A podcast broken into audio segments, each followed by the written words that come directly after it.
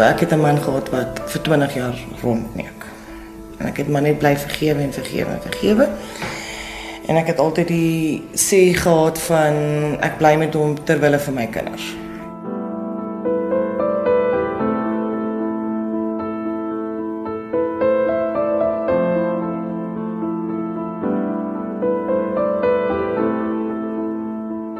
Ek het education agter my naam, paramedies, maar ek moes dit daai tyd opgee toe ek my eerste kind gehad het. Nee, ek moes huisvrou bly.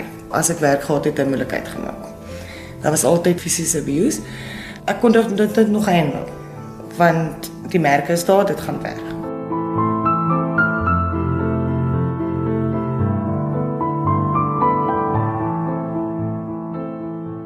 Die vrou voor my lyk ouer as wat sy is. Almal wat haar ken sê so en sy ook. Die laaste fisies gewelddadige voorval was meer as 'n dekade terug en is nog vars in haar geheue. Sy vriend se vrou drink nie 'n druppel drank nie. En ek het die koffie gemaak en sy vriend het altyd die manier gehad van ag, hallo my skat, jy weet dan sal hy so vir my kom staan, daar was nooit 'n probleem nie. En die next moment toe ek weer my kon kry, toe word ek aan my hare getrek, padkamer toe gesleep, toe word gesê hy het my gevang in die kombuis met sy vriend op die kas. Hy het ingestap, hy's dronk. Die man se vrou het ingestap, sy drink nie 'n druppel drank nie. Sy het nie 'n woord gesê nie. Sy het toegestaan en te kyk hoe hy my slaan, laat die bloed teen die mure gaan, dat hy chicken my keel afgooi, dat hy 'n russie gevat het en onder ingedruk het.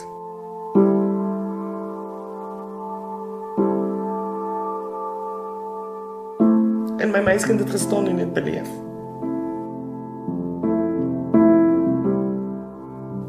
My kind kry vandag epileptiese aanvalle as gevolg van ons sy het van 9 jaar oud om net begin aanvalle kry en ons kon nie verstaan nie. En toe ons al hospitaal toe vat, toe sê hulle vir my hulle wil hê sy moet 'n sielkundige gaan sien.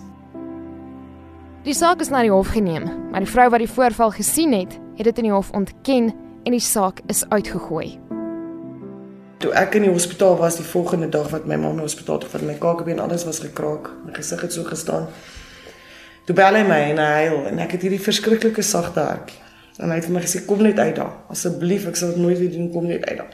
En ek het daar uitgestap. Maar so doen net my ma agterna polisie toe gaan en vir hulle vertel wat die storie. Hulle het hom toe daai stadium vir 5, 6 dae toegesluit.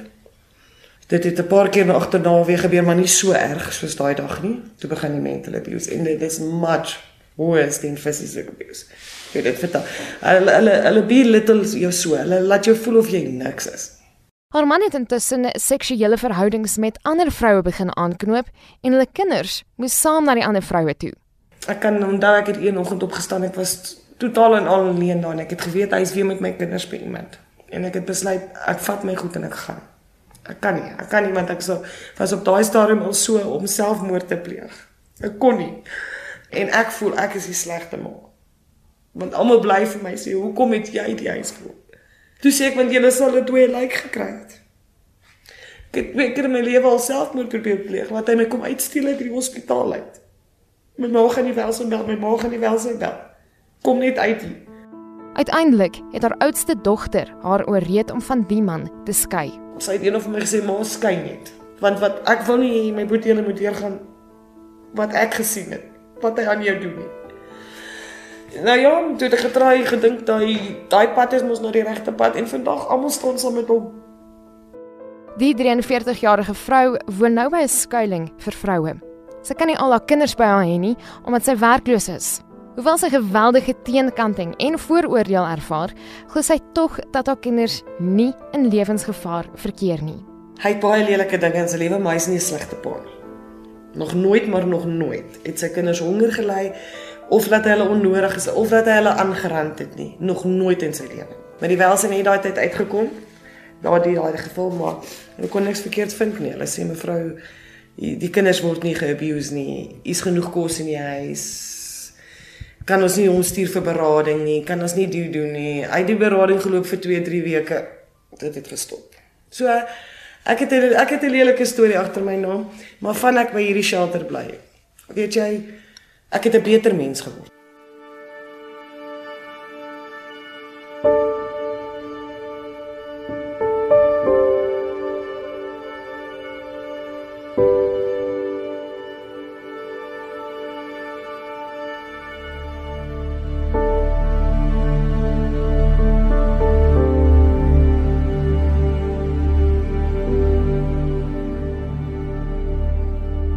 Christine se oë blink en haar glimlag is breed.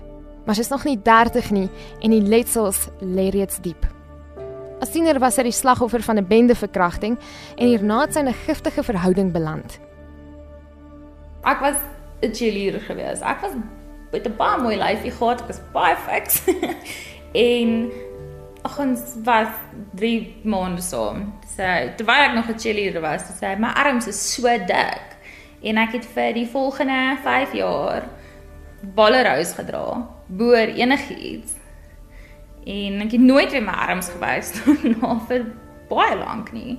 En dieselfde met my tone, ek het geswem met my kouse aan vir jare want hy het gesê my tone is lank. Dit klink nou stupid, maar die manier hoe hy dit gesê het, dit het ja.